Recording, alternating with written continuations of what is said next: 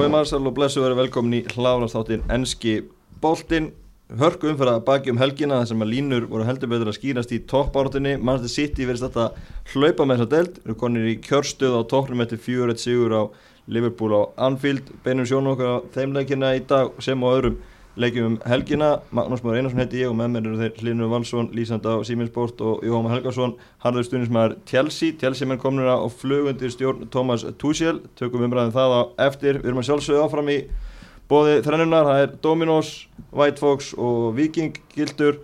Þetta eru léttöl, þetta eru okkar samstagsæðlar og gerur klifta haldur sem þætti úti. Og þetta er að sjálfsögja þrennan sem fólk á að taka með boltanum. White Fox, Dominos og, og Viking Gildur.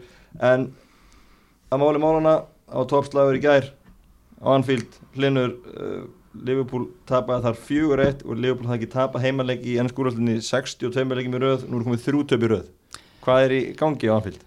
Já, þetta er svona súmarur upp bara vombriða tímabil hjá englandsmeisturinn Liverpool. Ég held að svona þetta kóróni, þetta slaka gengi liðsins á þessu tímabili. Mm. margt sem að spila inn í, meðslavandræði líkilmenn, ekki að standa sig og já, þetta er svona bara það er ekkert að falla með þeim, Jörgjum Klopp það lítur út fyrir að hans er bara búin að missa klefan og stuðnismenn bara meira orðin pyrra orðin í Klopp sem er bara eiginlega galið sko. mm -hmm. uh, sem myndi, maður held að það myndi aldrei gerast uh, já, og svo er bara svona pyrringur bara í Liverpool samfélaginu og, og virðist vera líka í liðinu einhvern veginn og þeir bara þeir bara, og City náttúrulega var að mæta þeim á, á besta tíma fyrir City og, og hérna og bara höfumru játni með að það var heitt og bara slátur þessum leik og, og gera þetta vel. Og, og mist ekki á Allison sem eru sjálfsíð og bara svona einhvern veginn já dætti ekkert með þeim. Nei, Þetta var uh, bara upprúlun svona þannig séð, Lífbúl uh, voru þessu kannski fyrsta klukkutíman en svona alltaf gera Allison sem mistök og þá var þetta að vera að farið. Já fyrir restina, alltaf klúru líka viti City, já. sem er þú svona þeir vísu gera bara mjög reglulega. En uh, þetta er einhvern veginn samt manni fannst svona horfand á leikin að City voru alltaf einhvern veginn með stjórn á þessu leik. Mm -hmm. það var aldrei þannig að hérna, konga sér svona örlilkabli fyrir áleika sem það sem hérna Leopold náðu að setja einhverja pressu og pinnaði einhvern veginn niður. Þú veist, maður gleymist líka að þú veist náttúrulega markið sem Leopold skorur er með líku viti og, og hérna þú veist það eru mjög örgulega fyrstu mistökur Rúbin Díaz bara síðan mann sem City fyrir hann kemur. Þannig að þeir fengu líka svona eila marka sylfu fati. Það væri lengin hætti í þessu, þessu atvikið þannig að að það áttur hins þessu burt en þetta var hins vegar, það er bara þessi taktur í, í Liverpool, hann er heldur áfram að vera vondur og uh, heilt kannski eftir, eftir tóttamleikinu myndi eitthvað rífa sér í gang, myndi að fengja eitthvað moment þar. En nei, þeir bara, þetta einhvern veginn gekk engafinu upp og þú veist, þetta er líka, þeir eru einhvern veginn ekki að finna réttu blöndun á kloppi í þessum meðslum, það er að spila Fabini og Henderson, það tekur óbúslega mikið út úr miðunni og svo, svo marg búið að fara yfir þetta tíak og enga veginn að finna sína fjöl svo líka kannski eins og komast inn á þessi, þessi skiptingar hjá kloppi leiknum voru skrítnar á þessu tíum punkti. Curtis Jones var að spila ágætli í þessum leik. Og hann kannski hættulegst að leikmanna mörguleiti mm -hmm. og hann var svona spes að taka hann út af og þá einhvern veginn bara þú veist, já, svo kom Alisson maður hefur aldrei séð hann taka tvö svona svakalega minnstöki sem að leiknum. Þetta er, þú sé, það er einhvern veginn það gengur nákvæmlega ekkert upp hjá klopp og hans mönnum og samanskapi gengur einu allt upp hjá City veist, eh, hérna, Pep Guardiola er búin að finna bara sína langt bestu vörð með, með Rubi Díaz og, og Stones sem er búin að vera bara hreint útstætt frábærir. Besta mið, miðvara parið í boltanum í dag mm -hmm. klárlega. Og svo er City náttúrulega, þeir eru með, þeir eru með eitthvað sem að Liverpool er ekki með, veist, Thiago er enga veginn að finna sig, á meðan að Phil Foden og Gundogan eru bara á aldrei spila betur. Næ, og það er enginn Thiago Jota, hann er bara búin að spila einhver veist, korter eða eitthvað á þessu tímabili sko, byrjaði vel og, og svo bara meittur þannig að það er svo mikið sem að City er með sem að Liverpool hefur ekki þessa dagana sem að, sem að líka er bara munun á liðanum í dag. Já, taldu um Gundogan, hann þrjumaði einu einu vítaspilum upp í kopstúkurna leta ekki á þess að fá, skoraði sér fyrstu mörki fyrir City. Ja, Hvað er að koma mörgum núni, þú veist, er þetta ekki veist, fimm eða eitthvað núna í, í... Já, hann er búin að vera gjósalega á eldin Þessi fimm, sex leik Hann er með nýju mörk á tífumbili en 6-7 mörk sko á þessu ári, 2021 Nýju mörk í 15 byrjunarslegi með skúrúldinni og maður menn heldur að þau myndu möguleika að fattast flugi það þetta er bráinu mittist mm -hmm. En hann bara, Gundogan sagði bara halda björnum mín sko. Já, og hann hefur fengið líka kannski meira frálsæði fram á því núna. Algjörlega, og menn það gleymist oft mist Gundogan verið oft svona glemt í gaurin í sitt í. Og alltaf að vera að tala um þegar hann, hann hefur alltaf verið þarna, hann er búin að vera þarna ákveðlega lengi. Já. en hann alltaf hefur verið ótrúlega ofum meðsli og mér gleymaði hvað þessi, þetta var alltaf efnilegustu miðmönum í heimi þegar hann var hérna á Dortmund og frábær þar. Algjörlega. Þannig að hérna, gaman þessu hann því þetta er, þetta er algjört hæfileika búnt og, og þú veist svona smelt passarinn líka inn í hugmyndafræði Pep Guardiola, hann, hann er þú veist mjög taktisk klóku leikmaður. Líka gaman að sjá bara hvað mennins Gundogan og Bernardo Silva er að blómstra ógeðslega mikið á meðan að besti miðjumæður í heimi kemur til bróinu er bara mittur það verðist ekkert hafa áhrif á neitt á liði það er bara hinn verður verð bara betri fyrir vikið. Og ég meina, þetta er bara stjarnar rísandi stjarnar Já, geggja marki hjá hann í gær, það var alveg ótrúlega hann hefur svo mikið, hann hefur ótrúlega hraða, geggjaða tækni, góðan fót.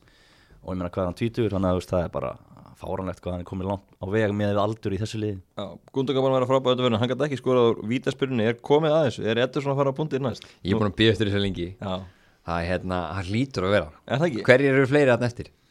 Ég menna Störling er búin að vera að klikka Það er galið að senda hann á punktin yfir höfu sko. að mögulega fóten sko Já. en ég er að fíla, ég fíla ef að Ederson færi sko, það er svona léttur sílavert í því. Já, ég meina Guardiola saði í gæra að þetta hafi verið grín hinga til. Nú sem er þetta svona hálfgerð grín, hann er komið þangað þetta, er svona, þetta sé alveg kannski mátt má möguleiki.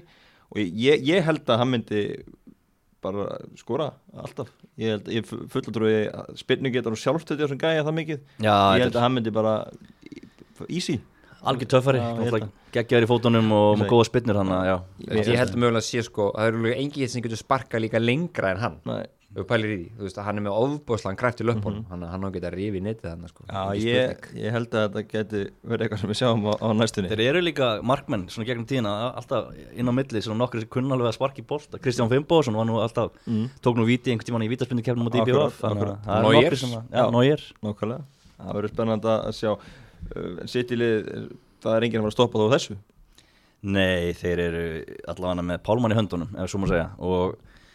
og, gengi þeirra bara í síðustu leikjum er búið bara að vera frábært og, og ég sé ekkert stoppa lið. Og, sé, og þegar Kevin De Bruyne kemur inn í það þá er það bara að fara að eflast ef eitthvað er. Já, Þetta eru áttastegi að það ekki að þið vinna leiki sem er þetta góða. Jú. Já. Það er held ég orðuð mikið og sérstaklega ef þeir halda áfram þessarum þéttleika í vördinni bara fá valla á sig mark, fá valla á sig skot. Og auðvitað eru öllum keppnum og, og allt það en, en með að hvernig þetta lítur út núna þá geta þeir jafnvel bara að færa að kvíla menn í deildinni april-mæ það verður komið það gott fórskot. Já, ég líka bara sé ekki alveg hvaða lið ætti að veita þeim samkeppni. Því að Manchester United náttúrulega hefur verið að mistiða sig á móti Sheffield og jafntöflingin Everton og, og, og jafntöflingin Arsenal og, og Leicester er svona lið sem er mjög ódreiknulegt og getur tapað og unni hvaða lið sem er í rauninni. Og Liverpool er í rauninni bara oflant á eftir. Tíu stig er bara svolítið mikið. Og plusleikur í, til góða. Já, nákvæmlega. Það var líka Rosa City þannig að að þeir eru eiginlega búin að ná þessu fórskoti á þessu tíðanbili Senders lausir Já, að hérna Aguero er bara ekki búin að spila saman ekki neitt ég held að hvað er Gabriel Jesus með fjögumörka eða eitthvað í deildinni, eitthvað svo leis það er bara, það er eiginlega makalust sko að Peppa er nú að smíða þessa vél á þess að vera með alvöru framherja í liðinu. Og nú talaðum að þessi að vera að fá sér framherja í sumar en sko fjölmjölinu farin að svona búa til sögur í kringu það og það er búið að orða Harry Kane, Erling uh, Brett Holland og í dag var Atletik að bæta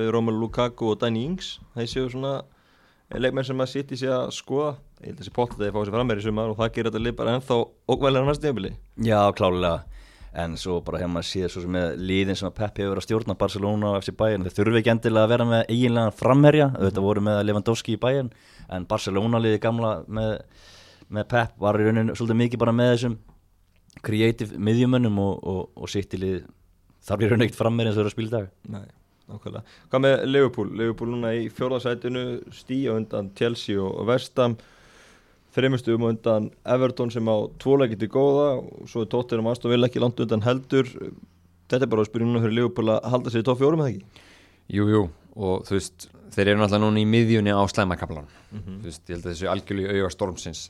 Þannig að ég held að komi nú alveg þú komi nú alveg tilbaka og það verður nú áhugað að sjá þegar þessi miðverðir sem þeir kiftu þegar þeir fara að spila þau geta kannski fara að spila Henderson aftur á miðunni og ná þá kannski aðeins meira jafnvægi í sinn leik, það er kannski algjörlega skortinga til þá fáum við sjá þú veist, meira frá bakverðunum sem hafa ekki verið sínum mikið undan fyrir leikjum og þá kannski fara leikmennu svo mani gang sem við reynilega bara heil ekki enga veginn á svo flug. Að þá, þá, þá kemur þeir koma alveg tilbaka. Ég hef persónulega engar áhyggjur af þeim í, topp fjórum en þetta lítur hins vegar býstna illa út núna og þeir þurfa að fara að fá hérna já, þeir þurfa að fara að fá einhvern miður í gang. Bara þú veist hérna helst þennan hérna Tyrkjan sem þið kiftu Já, heldur það hlinur að Ósan Kabak sé að fara að spila stóltulegur núna? Uh, kannski ekki stórt hlutverk en hann mun klárlega að spila einhverja rullu. Uh, á bara eftir að koma í ljós hvernig hann kemur inn í liðið og, og, og hversu góðu spilar hann er. Maður hefur náttúrulega eiginlega bara nákvæmlega ekkert séðan spila fótbolt en að mann en ég held að liðbúliðið það verður náttúrulega bara kapli sem er erfiðu kapli og, og þetta er erfitt fyrir stuðnismenn liðból og kingja og ríkjandi mestarar en, en, en þeir eru búin að sína það í gegnum eða síðustu ár og tímabila þeir eru búin að vera frábært fótbolla lið og það er aðeins að högta vélinn en svo bara spurning hvernig þetta fyrir aftur á malla. Já, Pyrringur hjá Klopsand, hann verið svona aðeins að mista það, svo maður segja. Hann er, letur alltaf hverju tögun á sér þetta Já, hann er búin að missa kúli sko. hann er svona farin að kenna öðrum um og er farin að svona, svona ranta aðra, aðra stjóra svona, sem er ekki klopplegt þannig að verðist vera sem að gengi sér aðeins var að segja til sín og, og hafa áhrif á hann. Mm. Klopp er bara mannlegur og þetta er náttúrulega hefur verið bara rönni sem Liverpool hefur verið á undanfærið tvö orði búið að vera eiginlega bara lígilegt það séu 200 stega eitthvað sem tíanbölum þú veist þetta fyrir til töðandránum og það er náttúrulega nákvæmlega allt búið að ganga á afturfótunum þannig að þetta, þetta, þetta fer undir skinniðamönnum og, og hérna, hann, er, hann er ekki líku sjálfum sér ekki fyrir ekki hann líðið þannig að hann það kannski bara byrja sjálfum sér og þá kemur þetta Lífur handla viku, núna ekki í bygganum en þeir fá viku til undirbúsi fyrir leikina múti Lester á lögadagin og það er mikilvæg leikur í þessi barátu Já, ég held að verða að vinna þann ef það er allavega sínir svo sanna í barátunum um, um meistarlega sæti sko. mm -hmm. svo er það náttúrulega ennþá inn í meistarleldinu við mögum ekki gleyma því og, og það er náttúrulega bara útslátt öflugur í þeim upp á síkasti þannig að það gæti mögulega svona retta tímabilinu fyrir Jörgur Klopp. Sagan alltaf í leiknum í gerð kannski sem mistöki á Allesson, tvö dýrkjöld mistök kannski eitthvað skýringar þessi jói? Hvað gerist það kallinu? Það var mikið kallt á löpunum Kloppildi meina það. Og Rói Kíno gerir ekki með því? Nei, nei, þú veist, eins og segi bara þegar regnir þá hellindembir og það kom bara hjá Allesson núna. Um maður hefur eiginlega skýringar á þessu. Já, ég menna hann bara, þú veist hann bara átti bara sinn versta leik bara í treyju lögbúl, mm. fullkomlega.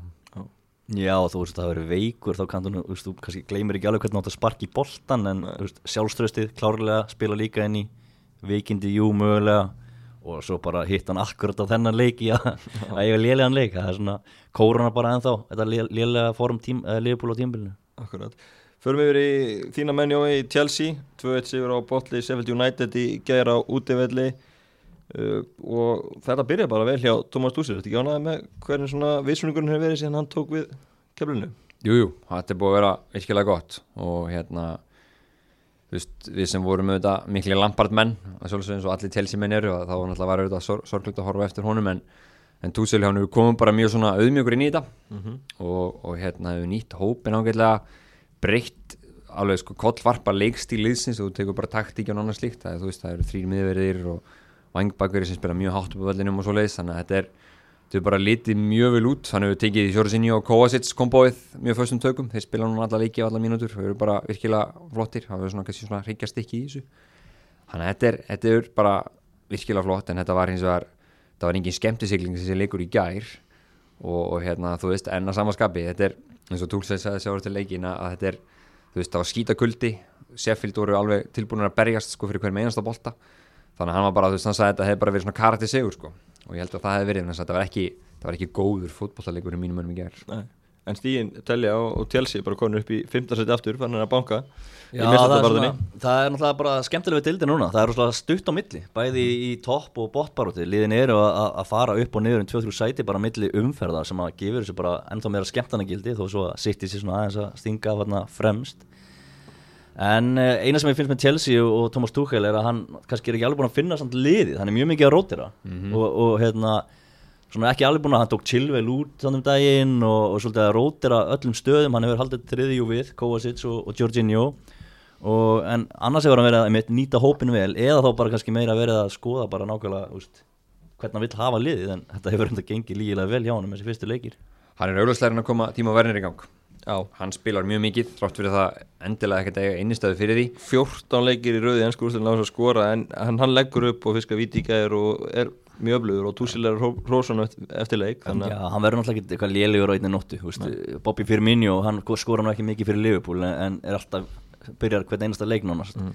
og ég meina Timo Werner 28 marka maður með RB Leipzig fyrra hann, hann á klárlega eftir að komast í gang. Þetta er bara spurning hvað hva tekur langa tíma að venja stildinni og, og leikstílum Samanlega því Þetta var, já já, þetta var, þetta var hans að mér fannst svona, hann var fín í leiknum í gær, mm -hmm. þannig að maður sér að sjálfstöðs er að koma aftur og og þú veist, hann gerði virkilega vel í, í að leggja upp markið til mig sem að Mason Mount og, og þú veist, hann er svona, hann er að taka mikið til sín og maður sér að Tuchel er að nota hann svipa og Nagelsmann gerði hjá Leipzig mitt hann er að spila hann frammi með öðrum frammerja, svona í þetta frjálsir öllu svo líka er hérna, og hann er líka treysta mikið á Mason Mount sem er svona búin að, að mínu viti búin að draga svolítið vagnir fyrir Chelsea. Búin að vera eitt besti maðurinn núna undarfarið þannig að hérna hann er, segja, hann er að finna blöndunum sína og, og kannski það sem er gaman því meira sem að lesa um Thomas Tuchel hann er mikið ólingið og tól taktilega að sé sko.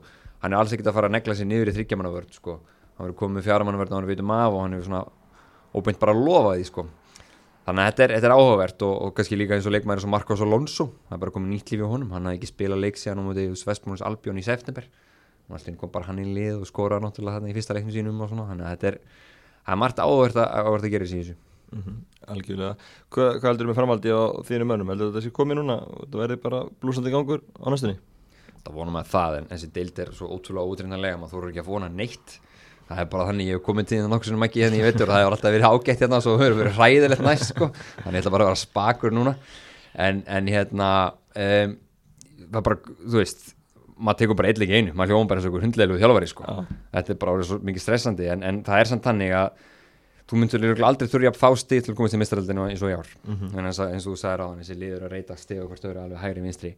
Og ef þú held texta að búa til svona smá festu og, og svona smá rönn að þá bara mjög það gulsi gildi og, og já, bara stöðast að liði það mun slef inn í þessa topp fjóðsæti Já, algjörlega. Förum yfir í fleiri leik sem er í barátunum í erflutunum, Manchester United og Everton gerir jættefli í skemmtilegu leika á lögðaskvöldið 3-3, Everton jafnaði á loka sekundunum stuðnismennum Manchester United til uh, Ama. David De Gea fekk óþveiða á samfélagsmiðlum. Hvað fannst þér ykkur um framhengstuð spánverðins í þessum leik? Það var ekki alveg nú sannfærandi fannst mér í þessum leik. Eins og oft áður í lið United hann hefur svona verið að gera svona freka mikið að mistikum inn á milli og svona verið freka linur. Og bara svona vantaðins presens í hans eins og er í þessum alveru markmannum og sér markmann eins og, og Allison og Ederson og og Jan Oblak og þessi gæjar sem bara geta sóknarmennina en það verðist einhvern veginn eins og DG að sé alltaf svona pínu smeykur þegar hann er að fara í útlöfin hann er góðu markmaður, góður í fótunum og hann er góður á milli stangana en svona hann er eins og sé svona aðeins dottið úr hann og smá brottur og eitthvað sem að vantar í hann sem að pyrrar auðvitað stundismenn mannstur og nættið og ég skila það alveg að því að þetta er góðu markmaður og hann hefur sínt að hann, hann kann alveg að verja bólta mm -hmm. Þetta er náttúrulega ótrúlega pyrrandi mark. Líka þetta hefði verið sko mark sem kom á 91. mynd til að jafna leikin sko, þá var veist, þetta á, þá öskra maður ennþá meira sjónabbi fyrir vikið sko, jónættmennir, en það var kannski líka þú veist, óbúrslega softan í fyrsta markinu þegar það var ekki fyrir ekki fyrir Karl Lúin, sem hann bara, þú veist gefur basically, slæðir boltan beint á hérna Dókúri, þú veist, þannig að þetta er svona, hann er búin að vera bara rosalega svona, bara miðlungs, hann dafði ekki að, þú veist, í sínu framistuðum og það er bara spurning hvernig þú veist hann ætlar að gefa hendur svona rönni sko. Þetta er í rauninni, ég held að það fyrir alveg, fara að koma að banka það fast á dittnar, hann, hann hendur svona til þess að fara að prófa það, veit ég Eða byggjarleika morgun á móti í Vestham og líklega hendur svona spili hann og já, svo, já, spurning kom, á, svo spurning með framaldi, getur þú séð hann taka stöðuna bara? Klálega, hann er búin að sína það, hann er, hann er klálega góð markmaður og eiginlega of góður til að vera á bekknum í, í ennsku deildinni, þannig að þetta er bara erfið staða fyrir solskjera að þurfa að velja á milli, mm -hmm. að sérstaklega sem að DG er vantarlega með já, top 2 stöðu launatjekkana í á Old Trafford, þannig að það er erfitt verið að réttla þann á bekknum. Já, nokkulega. Og þetta, ég tefli, setur stórstrík í reyningin Jónadaltarinn að berja sem titilinn. Þú getur Já. ekki verið að tapa sniðu fórskóti í svona síti sekundin há. Og líka bara, þú veist, þessi leikurðum að Sheffield United, þeir kannski voru komnir í bara, við getum talað um að reyna rækta titil baratu mm -hmm. og þá tapaði fyrir næsta liðinu og Já. missa svona, svona leik, þú veist Já. líka bara á, þú veist hvað, þannig að hérna, þetta, er, þetta er kannski, þú veist sko, Master United múin að vera að vinna rosalega marga leik, tæpa leiki. Þú veist, og hafa bara í allan vetu verið að þú veist að hérna, þessum XG barátan hefur verið þeim í óhag og þeir hafa samt unni og svo framvegis. Mjög jafna leiki sem hafa fallið þeim, þeim megin. Hún er bara tölfan aðeins að rétta sig af sko. Og, og hérna já, ég held að þú veist Rós og Solskjær fyrir að ná þessu þú út úr United á þessu tímpil það leitt ekkert út fyrir það sko. En þeir eru, finnst mér alls ekki nægilega góður til að veita mannsið sitt í ykkur keppin títilinn sko, eins og stæðin núna. Uh, eh, Solskjell gaggrindu fyrir eh, skiptingu þannig að þeir eru einmynd eftir að viðbátt tímunum setur Axel Túan Sepe inn á og tekur með svo grímut út af og svo brytir Túan Sepe af sér auka spilna mark. Uh, hvað fannst þér um, um það Linur? Ég veit ekki hvort þetta segja mikið um það þetta komið fyrir hvaða leikmann sem er. Hann er bara að reyna að tefja leik og, og, og eða nokkru mínúti með skiptingu, bara eðlilega og ég skil það alveg, setur inn varnamann en það er hver sem er geta brotið að sér og, og þetta er bara óhefnild að að þessi maður að því að hann er hann fær sinn skerfa gaggrinni þegar hann spilar þessi fáu skipti sem hann spilar mm -hmm.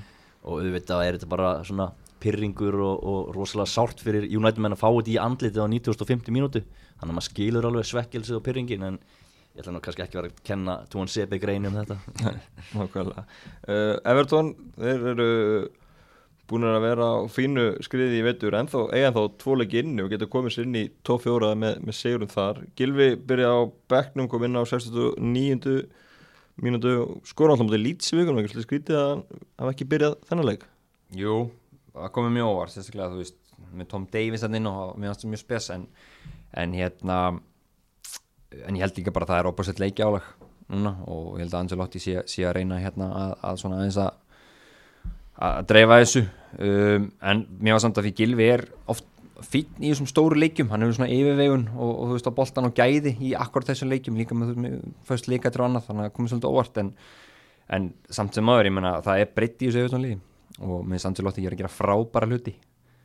Og eins og segja hérna þú veist núna er Hamis Rodríguez farin að svona finna, láta finna fyrir þessu aftur. Dominik Kallið Lúin er farin að skora aftur. Þannig að þú veist þeir eru bara Joshua King komið til að baka hann upp líka það bara, bara veist, þeir eru alveg inn í þessu sko mm. algjörlega inn í þessu Já. Saman á því, Linur, getur þú séð enda í top 4? Uh, nei, ekki top 4 en uh, ég held að séu bara á svona réttum stað með við hvað er yfirlega nægt að vera ég held að hérna sæti 5-7 væri bara svona ásættanlegt hjá, hjá Ancelotti uh, vissulega samanlega því að Gilvi hefði átt að vera í liðinu veist, hann líka elskar að skora á Old Trafford skoraði með bæði Tottenham og Swansea á sín tíma þannig að, þannig að svona, svo tölfræði var allan á honum í hag og svo finnst mér bara skrítið að bæði André Gómez og Tom Davies á undan honum í goggunaröðinni en svo reyndar hefur Angelotti verið að rótira rosa mikið liðinu, hann, hann blandar þessu öll í bland hann með Robin Olsen í markinu líka og hefur verið að taka pickboard út þannig að hann er allra líkinda tól Angelotti og hefur verið að ræra í öllum leikmunum nefnir sem fremstu þrejum, þeir halda alltaf sínum seti mm -hmm. og Gilvi hefur svolítið verið að verið að hérna, detta á bekkin bara út af þessu sko. Já, Förmiður í fleiri leiki í Tottenham komst aftur á Sigurbraut unnu samanlætas og læri svona hans í Vestbrumins Albjörn 2 og heimaðalli Harry Kane mættur aftur þá er Sigur. Uh, er einhver leikmæri dildinni mikilvægur fyrir sitt liður en Harry Kane er fyrir Tottenham? Nei, mjög vel að Jack Grealish fyrir vilja en jú, Harry Kane er klálega fyrstum maður á blad hjá Jose Mourinho. Uh, og það síndi sér svolítið í þessum leik mættist á móti Liverpool, töpuð þeim leik svo komið tveir tablugir í rauð á móti Brighton og, og, og Chelsea. Og svo kemur hann inn og, og skora fyrsta markið og var eiginlega besti maður á vellinum þannig að hann segir ímislegt um, um gildi hans innan tóttinans leysins sko. Algjörlega, finnst það líka þegar maður horfður mörkinu um þessu leika hérna, þú veist hann skora fyrsta markið bara vel gert. Svo er það sko típist að hérna, þegar að þeir fá skindu upplöpuð í sókninu sem svon klárar þá er Harry Kane sem vinnur boltan eftir fasta leikætrið og kemur hann að stað og hefur sóknina í raun og öru þannig að en það sem áskast ekki svona einhver leiti kannski stóru fréttnar í þessu leikjá tóttinama að hérna Mourinho hann tók loksins svona aðeins að eitthvað aðeins um hérna í lásum úr liðinu og þú veist hann, hann sagt, spilaði núna hann breytti með fleiri sóttara leikmenni í liðinu hann er ekki með svona tvo svakala tjúpa varna sinna miðmenni sem við verðum að gera hann setti tangaðinn dombalega eins aftar og var að spila Lamela og Múra inni frá mhm. byrjun þannig að hann er svona aðeins að leifa þessi kallinu þetta voru orðið alveg ofbóðslega þungt og lélægt hjá þeim tóttunum, þetta voru orðið alveg bara alveg hræðilegt. Og þetta var alveg gríðalega mikil til að vinna þannig leik til og með að taka eitthvað smá beigju þetta var að stefna í algjörð ofumni hjá Morinu Já, heldur betur sko. Og samanlega með Lukas Múra og, og Erik Lamela sko. Lamela var að byrja sinn fjórða leik á tímanbylunu og Lukas Múra sjötta. Þannig að þeir hafa ekki verið að byrja marga leiki. Og ég var að lýsa þessum leik og það, bara, það var allt annað að sjá liði með þá tvo svona kreatív inn á miðunni og svo auðvitað með Son og Kane líka. Þannig að þetta er mögulega að fara að vera svona vonandi á tóttinum í, í næstu leikjum að hafa allan að Lamela og Múra inn í liðinu því að þeir hafa lítið verið að koma að sögu á, á þessu tímabili. Ja, og Mórinu verður bara að breyta sig í, í byrjun tímabils þegar gekk vel og það var þéttu varnapakki og þá sögðum við lítið og, og gleði og gaman og, í kringu toppin nú er það búið að vera mjög þungt í nokkra vikur og, og hann verður að kveika þess í þessu ef það er alltaf ná í tóf fjóra menn hann var að nota Hauberg og Sissoko sem bara sko þriðja og fjórða hafsend þetta var eiginlega orðið alveg hræðilegt. Já. þannig að hérna og ég man þessi leikur sem á móti Chelsea um daginn þessi fyriráleikur sem Tottenham spilaði þar ég bara þú veist hvað er í gangi? Hva, hvað svona djók er þetta, þeir reyndu ekki einu sinni. Þannig að hérna en eins og segi það var hérna ég alltaf með alltaf smá softspot fyrir Mourinho og, og hérna þó ég hafa náttúrulega ekkert softspot fyrir Tottenham en, en sagt, það, hann lítur núna að fara að reyna eitthvað biltu sæðin stíl og mér var skaman að sjá að hann reyndi núna með sóktar uppstilningu og það hefur verið um til Vafbi á heima en, en samt sem aður, þetta er eitthvað til að byggja honum fyrir þá. Já, ekki reyndar kannski það við búist við að vera sérstaklega svolítið næstu helgi því þeir eru að vera heimsón á Etihad. Mæta að setja þannig að hann fyrir auðvitað aftur í gamla góða þar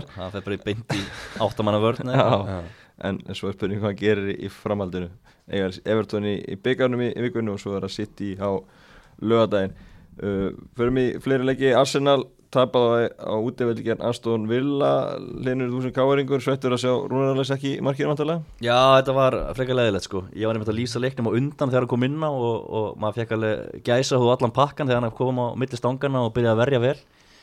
En eh, svo náttúrulega kemur þessi umræða hérna daginn eftir með Matt Ryan og hann væri mögulega að fara hérna bara á hækjum í markið og Þannig að ég er svona hló inn í mér þegar hann fekk marka á sig eftir tvær mínútur, það var svona káringurinn í mér hló þá, en hérna, en jú, vissulega leiðilegt að Rúnar Alex sé ekki, sé ekki næsti maður en, en hann er samt í Arsenal, við skulum ekki kleima því. Og hann er þriði markmaður þar eða annar, maður veit það ekki. Og Ryan er ennþá bara láni fram á vor og, og þá mögulega er að fara að kaupa einhvern annan markmaður, maður veit það ekki Eh, en ég vona bara svona Rúnars vegna að hann fari bara eitthvað á lán frá Arsenal og spili einhverja mínútur í Champions League deildinni eða eitthvað og, og, og koma svo bara sterkur inn tilbaka og, og taki svona skref eins og Emiliano Martínez sem er nú bara einnig betri markverðin deildarinn í dag. Já, akkurat. Öflög sigur hjá Aston Villa. Jói, þeir eru eiga náttúrulega leiki inni og annað þannig að þeir eru ennþá ágætt skriði. Algjörlega og öðruglega eru, þú veist kannski, þú veist, maður horfður svona tilbaka þeir náttúrulega voru bara björguð sér bara í lokaðum fyrir hún síðast frá fallseti þetta er lið sem svona búið að bæta sig hvað mest Ég er svona jafnast stíðaföldin síðan síðust tímpili Pæltið tíma Þannig að sko, það sem er gaman að sjá þau líka Óli Votkins er byrjað að skóra aftur Já. það er eitthvað sem þeir þurftu, þeir svona fóru smá slömp þegar að slókna á honum mm -hmm. og grílis með þetta bara allt saman á bækinu og líka það barklið mittist þannig að mm -hmm. þeir eru konum áttu með sitt svona sterkasta lið Já. og þú veist það er gaman að horfa á Aston Villa mm -hmm. þetta er kraftur í þessu liði þetta er svolítið ennslið og hérna er, veist, ég, ég fíla það alveg í tætlur. Ég, hérna, ég, þú veist og hérna þú veist, þeir eru þeir eru kannski, eins og það er aðan, þeir eru kannski líka á sínum stað þú veist, 8.9. sæti. Veist, það er bara, það er rosalega flottur árangur þannig ég það ekki nefnilega að fara mikið herra en þetta var bara, þetta er náttúrulega frábær sigur að vinna Arsenal. Sem þetta var heimaðilega, það er bara, bara gegja Já, Arsenal, svona aðeins að fjörundu þeim aftur eftir að þið tóku góða skorpu Já, það hefur verið svona upp og niður hjá Arteta og, og eins og yfirmenn knastbyrjumála hjá Arsenal hafa sagt þá fær hann bara tíma fær sinn tíma til að, að þróa liðið og, og þróa spilamennskuna og maður, það er eiga sína góðu leiki og sína slæmuleiki svona skemmtilega við spilamennsku Arsenal er að ungumverðinir er eiginlega bestir.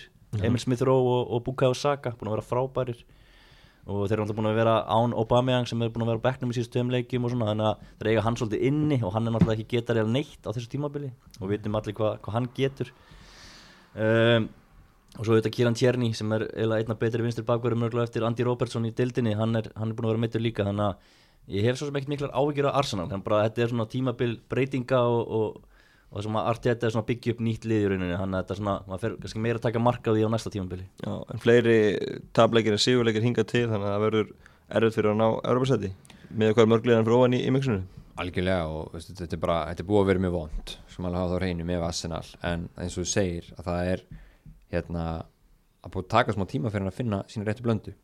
Og þú veist þeir tóku Viljan á rosamundu samningi að mikið búið að gera gegna því og svo framvegis og svo er náttúrulega Rópa Mjang búin að vera alveg bara skelvilegur með að við syngjum mælikvæða en það er hérna, það eru samt svona, það eru ljósi punktar í þessu. Og svo er líka svona núna gaman að sjá hvernig Martin Ödegaard kemur inn í þetta. Þannig að hérna, þú veist, það er alveg það er alveg eitthvað til að byggja ofana og eða alltaf að gefa artið þetta tíma, þá, þú veist, þá getur alveg skila flottu, flottu liði bara á næstu, þú veist, næstu einu og halva tíumbilinu, Já, sótti stiga múti Úls á útivelli eða eftir já, hvernig hort á það Úlvan er ekki verið kannski þeir sprækast á þessu tíanbili og, og, og Rótsis kannski ekkert alltaf sóttur að fá ekki meir út úr þessu með bara það sem eru í. Já, þetta var hérna einn af þessum svona, þú veist, eins og segi Úls, þeir eru þeir eru bara eiginlega leiðilegast að lið mm -hmm. í dildinni sko, það, hérna, þetta eru alltaf lið sem var með svona, svona, svona spennandi pælingar og hugmyndir þegar þau komu upp fyrst þarna. Mm -hmm og þú veist, í fyrra þá fór Adama Traore á okkar rönn sem var bara eitthvað, þú veist, það var hrikalega gaman að horfa hann og það voru líka með Diego Jota en Það er rosalega flatt núna, eitt marka meðal í leik og lítið að frétta og, og margir svona leikir eitthvað sem er bara eitt mark eða markarlust eða hvernig, hvernig það er. Þau mistu Hímines í þessi slæmu höfumeðsli og það bara einhvern veginn það er eins og bara svolítið svona sálin úr liðinu hefði farið einhvern veginn með honum. það er einhvern veginn bara, þetta er orðið alveg ofbóðslega andlaust og svona frekar þreytt dæmi en, en það eru hæfileikar í þessu liði og, og hérna og þetta er hörku þjálfari og þeir eru orðbóðslega vel drillaðir. Það er ekki að taka það á þeim Já. en þeir eru ekki sendleir Núna var Spirit og Sandón það gett frábær hluti einmitt í stjórastólum heldur að hann geti farið eitthvað annað í, í sumarliður þessu komið á svona endastuð þetta verkefni? Mm, Gæti alveg verið sko. En ég held samt að hann sé líka alveg típan að vera bara áfram. Já. Og náttúrulega, eins og Sjönda sæti tvö síðust tímabil Eftir að þeir fóru upp úr, úr Championship að það er svona mjög góður árangur hjá, hjá Úlfonum á aðeins tveim tímabilum En þeir bara eru drillaðir í nákvæmlega þetta Og eru að spila bara það sem stjórn er að segja þeim að gera. Þeir bara svæfa leikin í fyrraháleik Og halda hreinu Og svo reynar að pota inn einu marki í setna háleik og, og klára leikin Og þeir eru með fæstar hlaupatölur yfir, yfir heildina því Þeir eru að reyna bara að svæfa mótirana og eins með eins og þú segir með Raúl Jiménez þeir eru held ég búin að vinna einn eða tvo leiki síðan hann mittist af einhverjum tólf leikim þannig að það er greinilega skarf fyrir skildi með hann. Já. og eru að reyna að fylla núna með þessum nýja brassa hérna Viljan Jose en hann er svo sem ekki sínt mikið hinga til. Nei, okkurlega Hvað með uh, Lester? Eru, eru hann alltaf í þriðja setinu lítið talað um það en þeir eru alltaf á svæðinu. Eh, Hvað, sjáu þið framhaldinu hjá þeim? Vardí er að koma tilbaka. Já, það, það veikið þá ekki. En það er búin ríkilega gaman að horfa á James Madison. Mhm. hann er búin að vera pund fyrir pundi besti leikma dildarinn svona undanfærin mánu eða eitthvað leis hann, hann tekur alltaf sína, skorpur sá gæi. Mhm. Og svo er líka leikmaður eins og Harry Barnes farin að, farin að lifna við sér og svo er þið bara frábælega þétti fyrir. Já, og eina köpum ásinsvesli fór fana já. Þannig að hérna, þeir eru bara, bara gott fótballtali lestir, það er ekki að segja annað. En segja kannski eitthvað um, um stöðuna og hvað er alltaf að gera í, í annarglögunum Þeir voru að spája að lána Hamza Tjútúri til Newcastle og nú er hann búin að byrja tvoleiki röð síðan þá. Þannig að þeir eru líka í ákveðinu vesinni með ákveðinu stöður á vellinum. Þeir Já, það hefur svona aðeins verið vesen á mann að djúpt á miðunni mm -hmm. og hefur reyndar ekki verið að nota Tjadúri neitt þangatir núna nánast. En svo líka náttúrulega þétt prógram hjá þeim. Þeir eru náttúrulega í Európa-deildinni og FA-byggarnum þannig að hann þarf líka að dreifa álægina þannig getur ekki alltaf spila á sömu 11 leikmönnum þó að þó að hann virðist nú vera að gera það mikið til Brenda Rodgers en þetta er svona einmitt, þetta er lið sem að enginn talar um en þeir eru alltaf þarna í kringum toppinn og, og er alltaf að valda usla. Já, nákvæmlega uh, Annar lið sem að hefur kannski bara fengið meira undanfærið ef eitthvað er það er Vestam, David Moyes og Lærisson Hans eru búin að gera frábært móta undanfærinu Marknars jættilega móti fúlhamum helgina kannski aðal máli í þeimleik var rauðarspöldi sem Thomas Susek fekk búið að draga það tilbaka. Mike Dean hljópa aðeins á sig þar en svo Dean búin að vera að fá morðhótanir. Og það er nú eitthvað sem að er náttúrulega agalegt að heyra hvað menn, já, hvað menn, hvað menn taka hérna, þetta alvarlega að hann sé að fá morðhótanir og hann þarf ekki dæmi með næstu helgi þannig að það er nú að, hérna, leiðilega fréttir að, fá í dag að, hann sé að fá bara og hann og fjölskyldunum sé að fá morðhótanir eftir dómi í deildinni. Fáránlegt hvernig hérna, þetta er náttúrulega bara samfélagsmiðla megin sem svona einhvern veginn kemur, það, þú veist, fólk lifir sér að segja meira oft í ykkur formi, skjóla ykkur nafnleindar og annað slíkt, þannig að þetta er bara skellulegt alveg, en, en hann alltaf gerir mistök og, ég meina, jú, jú, Olbóin fer í nefið á, á hérna mítravið þarna, skilur en á lötu, lötu hraða, þannig að þetta var í rauninni bara það er bara að segja stráka hætti þessu áfram með ykkur áfram Já, gakk, já. þú veist, það er bara að klára þetta þannig. En þetta er kannski gallið mér var. Við förum aðeins örlítið inn á það. Jú, jú. að þú sér þetta hægt, margóft og það verður þetta lítið alltaf verð og verð út. Því ofta sem þú skoðar þetta þetta ítir undir leikaraskap. Það, er að, það er finnst mér að vestaði var að Já. svona vitleisa að hún nær fram að ganga. Algjörlega, algjörlega. Samála þessu linu, þetta er alltaf aldrei rauð spjald Já, aldrei rauðspjald. Og ég meina það er náttúrulega ekki til til neinn illindi í Tómas Sútsjak þetta er einn, einn hérna, brúðasti piltur sem ég hérna, séð í viðtölum og annað slíkt, þetta er bara algjör öðlingur og hann er náttúrulega bara höfðinu herri heldur en uh, móteri sinna og, og, og þetta er bara óefni, bara rekst í hann álbóðan og þetta lítur þetta út en, en bara gott að ennskar þetta sé búin að snúa þessu við og Mike Dean tekur þetta bara baki hann hefur nú oft fengið fengið sinn skerfa gaggrinni gegnum tíðina og gegnum, gegnum árin. Já, algjörlega. Uh, Síðustu tvei leikinir Burnley Brighton Jattefli á Törmór, Jói Berg á skotskónum. Þessi lið eru svona reytir stíin og verðast alltaf að sigla þessu bara nokkuð örglihörn Verða þannig rétt fyrir ofan falsvæði algjörlega, Brighton alltaf þeir hrukku í gang, þeir voru alltaf búin að vera að hérna, þeir voru alltaf að standa sér fáralega GX bördónum Já. og alltaf bara mjög góðið þar en, en ekki á vellinum. Eh, en núna hafa þeir bara hérna að hlaðin stegunum og börnlega þeir finna að fá alltaf í sín stík þannig að þetta var bara fínast jafntöflir í bæðileg þannig að flott mark hjá Jóa. Mm -hmm. þó kannan vel skotið þannig í nærhundið, virklega vel gert. Gaman eins og hann svona komin og flug aftur. Já, Nákvæmlega búin að fá nýjan samning og einast annað barn á dögunum, þannig að lífið leikur við jóðast þarna. Já, bara frábært, ég meina bara samtlýðast honum mjög að, að hafa græði nýjan samning við börnlegi, bara að fara að vera þarna í næstu tvö árin í, í, í ennsku úrastöldinni og er náttúrulega, svona, ef hann er alveg heill þá er hann byrjanlega smaður í börnlegi og, og frábært fyrir hann að skora lóksins mark, það var komið að freka landsíðan skoraði síðasta mark, það var í byrjun síðast tímanbils, fyrsta leik gerði síðasta mark, en já, Breitón búin að vera flottir upp á síðkastið. Graham Potter er að galdra alls konar hluti með þetta Brighton-lið og ég held að bæði lið munu halda sér dildinni, það er langt í næstu lið fyrir neðan að þeir munu alveg hrifsa nokkur stíg og, og halda sér. Já, er þessi fallbarat ekki bara nokkur leginn búinn? Jú, sko, ég sé eina liði sem getur mögulega sett eitthvað í gangi er fúlam, mér finnst þeir alltaf vera að gefa liðunum alveg, alveg hörku, hörku, hörku leiki Þeir eru bara ekki að ná að snúða sér sigra nýju jafntefli, tvei sigrar Það er alveg ríkalegt, þú veist, fimm leikja jafntefli sér hrínuna sína mm -hmm. þú veist, þeir áttu að eiga alveg mögulega tvo sigra þar, Já. það væri þetta alltaf annað game sko. mm -hmm. þannig að þú veist, ef það er eitthvað sem ég held að geti mögulega að ná einhverju, ég held að Sheffield sé að fara bara og seint á stað, sko, því miður fyrir þá mm -hmm. en hérna en Vestbróm, þeir, þeir eru ekki að fara að gera neitt sko, þeir eru bara samanlega þess að þeir eru ekki að kveika neitt þar Samme hefur betur bara að setja upp í sofa fram og, og sleppt þessu. Já, þetta lítur ekki vel út sko. En, en, en ég segi, svo líka bara eru hinn liðin fyrir ofan öll að bara taka sín, taka sín stig sko. Mm -hmm. og Breitum, þeir eru alltaf góðu til að falla. Þeir, þeir eru ekki að fara að gera það sko. Nei, Og eitt líðan alltaf sem hefur búið kannski nefna við orðaði fallbártuna undanfæna vikur eftir Línald gengið Newcastle. Síðan þeir búin að vinna núna tvo að síðustu þremur, náttúrulega Everton á vantum daginn og svo þrjúttur sigur á móti Sáþóttunum helgina Steve Bruce er að kokka óhend að segra þegar gaggrinu var hann hvað mest. Já, ég held að ef það var eitthvað lið sem að myndi svo nær fúlam þá væri það mögulega Newcastle sko. en, en eins og segi, þeir eru búin að gera vel í síðustu leikjum og svona með mannskapin þá eiga það nú alveg að geta að halda sér uppi. Og þetta er þannig klúpur og þeir eru alltaf að vera í austu deild. Já, okkurlega, Mikul Almir Rón með tömörkjör Newcastle um helgina lóksins komið tíma og hann láti til sín taka og mikið láti með að það kom. Og hann er svona aðeins að vakna álóksins, hann, er, hann er ekki mikil markarhókur en ég sá því ég var að horfa úr þessu leika hérna, þeir eru búin að fá hann Alan St. Maxim inn aftur. Hann var hérna viðlóin bæði mörkin hjá þeim. Já. það er hörku leikmaður og þú veist þau þurfa þessa gæja sem eru svona með hvað, svona flerin sem maður segir, svona smá snilligáfi í, í fókbalta, þú veist þetta er búið að vera óbúrslega svona oft, oft svona, svona þunglamalegt hjá, hjá Njúsul en núna eru þau komin í einhverja miðvara krísu Já, uh, Jamal Lewis er náttúrulega meittur Uh, Federico Fernández líka ekki með. Og Sjar hérna myndist núna líka hérna þeir eru fjóri miður eða myndir höfum en þeir eru flotti fram á við uh, Saint Maximin kominn aftur, búin að vera mikið meittir og svona Joe Willock sem kom á lánu fyrir Arsenal hann mm. skoraði í sin fyrsta leik. Þannig að það er svona allavega geti verið að einhverju fleiri en Callum Wilson fara að skora mörkin fyrir þá svarkvíti Já, nákvæmlega, Saint Maximus eins og hann hérna Pól Mörsson kallaði hann Já, þetta er bara enda flottar hann Saint Maximin sjálfur hann og gaman að ég vildi búin að breyta nafnum svona tvitt, heiti bara Saint Maximus í dag. En það er gaur sem að ef hann nær rönna leikjum þá er náttúrulega því að núkvæmlega ná að halda honum. Getur hann verið eitthvað að fara að kroppi í hann kannski í sumar? Það gæti alveg gert sko að kannski ekki alveg komin á þann stall. En já, ef hann næra að tengja saman fleiri leiki og svo leiðis en svona að minni mér svolítið á Traori hjá, mm hjá Wolves nema Traori hefur bara ekki náða að skora hann í leggju upp í einhverjum 37 deildalíkmi í rauð já. en já, Sint Maximin klárlega með framtíðina fyrir sér. Já, algjörlega.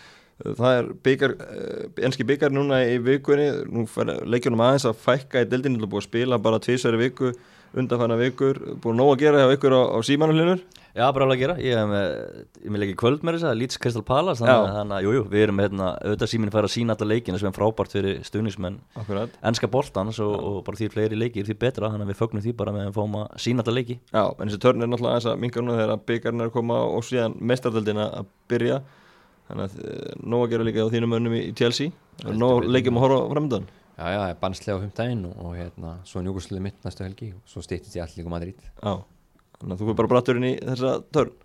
Ég, ég ætla að vera að vinna um bannsleg Ég tók á held ég 7-1 hérna fyrir tíumbölinu eitthvað leis 6-1 að ég manni hvernig það fór en, en hérna uh, en jú, það hérna þetta lítur ákveld út núna og, og en þetta verður hérna, skemmtilegt þetta einvíð um þetta allir líka Madrid, þeir eru eitt heitast að liða upp fókbaldunum, stands í frábælega mm -hmm. sjóðandi heitan Luis Suárez og Jan Oblak fær allavega sem örk Þetta er ekki Já, þetta verður potið einn af svona betri viðregnunum í 16. úrslutum Já, algjörlega Næstu helgi þá er uh, flotti leikir. Við erum með Lester, Liverpool í háttegina og, og lögadaginn Martin City Tottenham er CTS leikurinn. Sammi og félagari Vestbámis Albi og fá mannst og nældi heimsórna á, á sunnudeginum. Arsenal Leeds áhugaverleikur og, og eins og sagði Jói Chelsea Newcastle á mánudagskvöldi. Þannig að það er nóga skemmtuleiki framöndan í ennska bóltanum Við verum hérna aftur á ferðinni á mánudagin Takk fyrir byrji